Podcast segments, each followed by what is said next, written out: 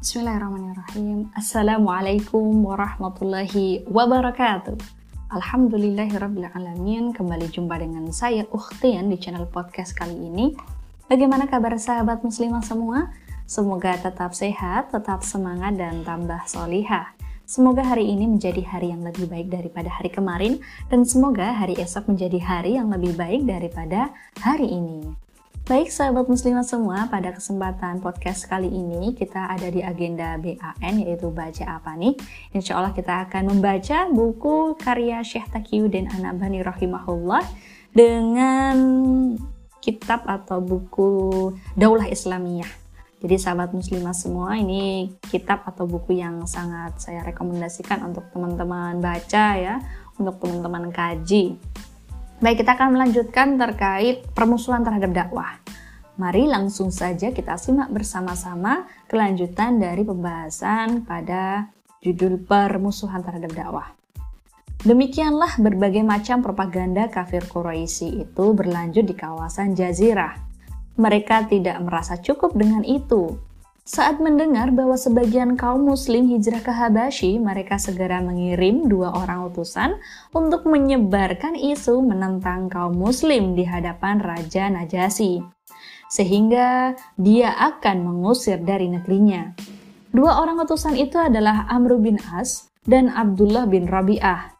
Keduanya tiba di Habasyi dan segera mempersembahkan hadiah kepada pasukan pengawal Raja Najasyi agar mereka membantu keduanya untuk memulangkan kembali kaum muslim ke Mekah.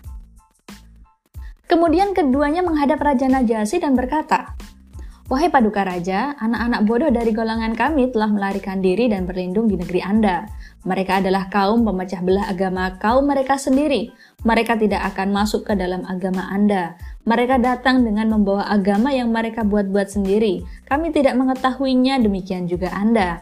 Orang-orang mulia dari kaum mereka, bapak-bapak mereka, paman-paman mereka, dan keluarga-keluarga mereka telah mengutus kami berdua menghadap Anda agar Anda mengembalikan mereka kepada kaumnya. Kaum mereka lebih tinggi dan lebih mengetahui kekurangan-kekurangan mereka. Kemudian Raja Najasyi memutuskan untuk mendengar langsung dari kaum muslim tentang pendapat mereka. Dalam hal tersebut, dia meminta wakil dari kaum muslim dan setelah wakil itu hadir maka Raja Najasyi bertanya, Agama apa ini yang telah memisahkan diri dari kamu, kali, kaum kalian, dari kaum kalian, dan dengan agama itu pula kalian tidak akan masuk ke dalam agamaku, juga ke dalam agama siapa pun dari berbagai milah yang ada. Ja'far bin Abi Thalib memberikan jawaban dengan menjelaskan keadaan mereka di masa jahiliyah beserta sifat-sifat mereka. Kemudian menjelaskan tentang hidayah yang dibawa Islam dan perubahan keadaan mereka setelah masuk Islam. Ja'far juga memaparkan bagaimana kejamnya siksaan kaum Quraisy kepada mereka. Tatkala mereka menindas, menganiaya, membatasi ruang gerak dan berusaha memisahkan kami dengan agama kami, maka kami keluar menuju ke negeri Anda. Kami memilih Anda daripada yang lain dan kami berharap dapat bertetangga dengan Anda. Kami juga mengharap tidak mendapatkan penganiayaan dari sisi Anda. Raja Najasyi kembali bertanya kepada Ja'far, Apakah engkau membawa sesuatu yang datang bersama Rasul kalian yang berasal dari Allah yang bisa kalian bacakan kepadaku? Ya, ada, jawab Ja'far. Kemudian dia membacakan kepadanya surat Maryam dari bagian awal hingga firman Allah yang artinya, maka Maryam menunjuk kepada anaknya. Mereka berkata, Bagaimana kami akan berbicara dengan anak kecil yang masih dalam ayunan? Tiba-tiba Isa berkata, Sesungguhnya aku ini hamba Allah. Dia memberiku Alkitab Injil dan dia menjadikanku seorang nabi. Dan dia menjadikanku seorang yang diberkati di mana saja aku berada dan dia memerintahkanku mendirikan sholat dan menunaikan zakat selama aku hidup dan berbakti kepada ibuku. Dan dia tidak menjadikanku seorang yang sombong lagi celaka dan kesejahteraan semoga dilimpahkan kepadaku pada hari aku dilahirkan, pada hari aku meninggal, serta pada hari aku dibangkitkan hingga kembali. Terjemah Quran Surat Maryam ayat 29 hingga 33. Sewaktu para pembesar istana mendengar ayat ini, mereka berkata, ini adalah kata-kata yang keluar dari sumber yang sama, yang menjadi sumber kata-kata junjungan kita Al-Masih. Raja Najasi lalu berkata, demi zat yang Isa datang dengan kata-kata ini, sesungguhnya ini benar-benar keluar dari sumber yang satu. Setelah itu, Raja Najasi menoleh kepada dua utusan kafir Quraisy dan berkata kepada keduanya, Pulanglah kalian berdua, demi Allah saya tidak akan menyerahkan mereka kepada kalian berdua. Dua orang utusan itu keluar dari ruang pertemuan Najasi dan keduanya berpikir untuk menggunakan cara lain. Hingga pada hari kedua Amr bin As kemudian menemui kembali Hingga pada hari kedua Amr bin As kembali menemui Najasi dan berkata kepadanya, Kaum muslim benar-benar membicarakan Isa bin Maryam dengan kata-kata buruk dan kotor. Maka kirimlah seseorang kepada mereka dan tanyakan kepada mereka apa yang akan mereka ungkapkan tentang hal itu. Lalu Najasyi mengirimkan utusan kepada kaum muslim dan menanyakan pendapat mereka mengenai Isa. Maka Ja'far menjawab, kami berkata mengenai Isa sesungguhnya dengan apa yang kami peroleh dari nabi kami, beliau mengatakan bahwa Isa adalah hamba Allah, utusan Allah, ruh Allah dan kalimat Allah yang dihembuskan kepada Maryam perawan suci. Raja Najasyi kemudian mengambil sepotong kayu dan membuat garis di atas tanah seraya berkata kepada Ja'far, Antara agama kalian dan agama kami perbedaannya tidak lebih dari garis ini. Maka dua orang utusan kafir Quraisy keluar lalu pulang melalui pedalaman Hunain ke kota Mekah. Demikianlah berbagai propaganda menemui kegagalan dan tenggelam. Kekuatan kebenaran yang diserukan Rasul Shallallahu Alaihi Wasallam dengan amat gamblang dan tampak pada lidah beliau mengungguli seluruh propaganda busuk. Cahaya Islam yang baru terbit mampu mencerai beraikan semua isu dan propaganda.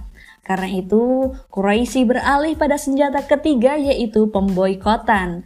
Dan mereka sepakat untuk memboikot Rasul dan para kerabatnya mereka membuat perjanjian tertulis yang isi memboikot mereka membuat perjanjian tertulis yang isinya memboikot Bani Hashim dan Bani Abdul Muthalib secara total. Quraisy tidak akan melakukan pernikahan dengan mereka juga kalangan Bani Hashim dan Bani Abdul Muthalib tidak boleh menikahi mereka. Quraisy tidak akan menjual komoditas apa pun kepada mereka dan tidak pula membeli apa pun dari mereka.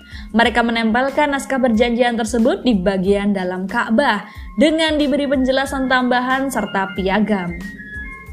Mereka meyakini bahwa strategi pemboikotan tersebut akan berpengaruh lebih besar daripada dua strategi sebelumnya, yaitu penyiksaan dan propaganda. Masa pemboikotan berlangsung selama tiga tahun dan mereka menunggu apakah Bani Hashim dan Bani Abdul Muthalib akan meninggalkan Muhammad juga apakah kaum muslim mau meninggalkan keislaman mereka sehingga Muhammad akan benar-benar sendirian dengan kemungkinan dia akan meninggalkan dakwahnya atau dakwahnya tersebut tidak lagi berbahaya baik bagi kau bagi Quraisy maupun agama mereka. Hanya saja hal tersebut tidak berpengaruh sedikit pun pada Rasul Shallallahu Alaihi Wasallam, melainkan makin berpegang teguh kepada tali agama Allah, makin kuat menggenggam agama Allah, dan semakin bersemangat di jalan dakwah mengajak manusia kepada Allah. Demikian juga kekuatan dan keteguhan orang-orang mukmin yang menyertai beliau tidak surut Penyebaran dakwah Islam di kota Mekah dan di luar Mekah tidak mengalami kemunduran yang berarti. Hingga akhirnya kabar kafir Quraisy pada Muhammad sampai ke telinga suku-suku Arab yang berada di luar kota Mekah. Akibatnya, dakwah mencuat keluar dan tersebar luas di tengah-tengah kabilah-kabilah Arab. Demikian juga penyebutan nama Islam menyebar luas di Jazirah. Para musafir sering membicarakan pemboikotan itu. Walau demikian, aksi boikot terus berlangsung dan kelaparan terjadi di mana-mana. Sementara itu, naskah pemboikotan yang telah dicanangkan kafir Quraisy masih berlangsung realisasinya.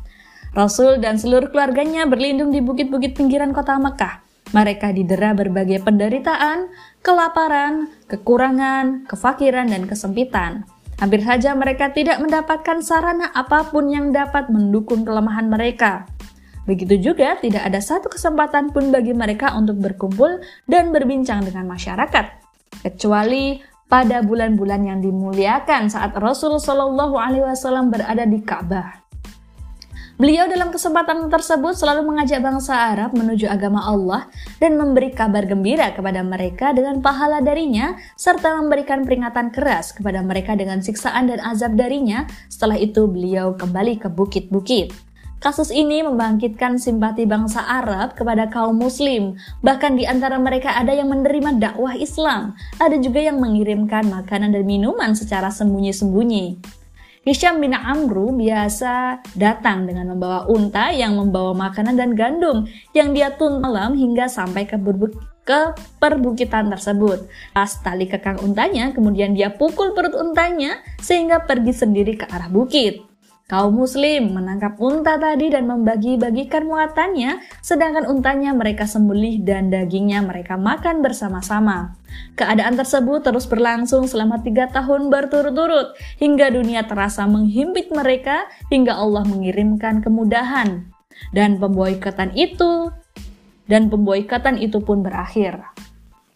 Lima pemuda Quraisy yaitu Zuhair bin Abi Umayyah, Hisham bin Amru, Mut'im bin Adi, Abu Al-Bukhturi bin Hisham, dan Zama'ah bin Al-Aswad berkumpul dan membahas tentang naskah perjanjian dan masalah pemboikotan. Mereka semuanya marah antara satu dengan lainnya menampakkan kemurkaan. Kemudian mereka sepakat dan berjanji untuk membatalkan perjanjian tersebut dan merobek-robek naskahnya. Pada hari berikutnya mereka pergi bersama menuju Ka'bah, tiba-tiba Zuhair datang dan tawaf di Baitullah. Sebanyak tujuh kali kemudian dia berteriak menyeru manusia. Wahai penduduk Mekah, Kenapa kita makan minum dengan senang dan berpakaian bagus, sedangkan Bani Hashim mengalami kebinasaan? Mereka dilarang berdagang dan berjual beli. Demi Allah, aku tidak akan duduk hingga naskah pemboikotan yang zolim ini tercabik-cabik. Abu Jahal hampir tidak kuat mendengar hal itu, lalu berteriak dengan keras. Kamu bohong, demi Allah, jangan kamu robek. Tiba-tiba dari beberapa sisi Baitullah terdengar teriakan bersaut-sautan. Zam'ah, Abu Al-Bukhturi, Mud'im, dan Hisham semuanya mendustakan Abu Jahal dan mendukung Zuhair. Sejak saat itu Abu Jahal menyadari bahwa pemboikotan telah berakhir pada malam itu juga. Kebanyakan orang Arab menyetujui penghapusan pemboikotan itu. Perlawanan mereka yaitu suku-suku Arab telah membangkitkan berbagai upaya buruk dan jahat sehingga dalam diri Abu Jahal timbul rasa takut yang memaksanya introspeksi. Mut'im segera merobek naskah perjanjian tersebut dia mendapati naskah perjanjian itu telah dimakan rayap kecuali bagian awalnya yang berbunyi Bismika Allahumma. Dengan demikian, kesempatan bagi Rasul Shallallahu Alaihi Wasallam dan para sahabatnya kembali terbuka untuk turun dari daerah perbukitan menuju kota Mekah. Rasul dan kaum Muslim atas pertolongan Allah berhasil mengakhiri pemboikotan dan mereka kembali sehingga beliau Shallallahu Alaihi Wasallam dapat melanjutkan aktivitas dakwahnya hingga jumlah kaum Muslim bertambah banyak. Demikianlah berbagai langkah Quraisy dalam bentuk penganiayaan, propaganda, dan pemboikotan telah gagal dan tidak mampu memaksa kaum muslim meninggalkan agamanya. Aksi tersebut tidak berhasil menghentikan dakwah dari dakwahnya hingga Allah Subhanahu wa taala memenangkan dakwah Islam meski dihadang oleh berbagai kesulitan dan siksaan. Sekian, semoga bermanfaat. Mohon maaf apabila ada kekurangan dan kesalahan. Tetap semangat, dakwah terus, terus dakwah. Sampai jumpa di agenda podcast selanjutnya. Wabillahi taufiq wal hidayah. Wassalamualaikum warahmatullahi wabarakatuh.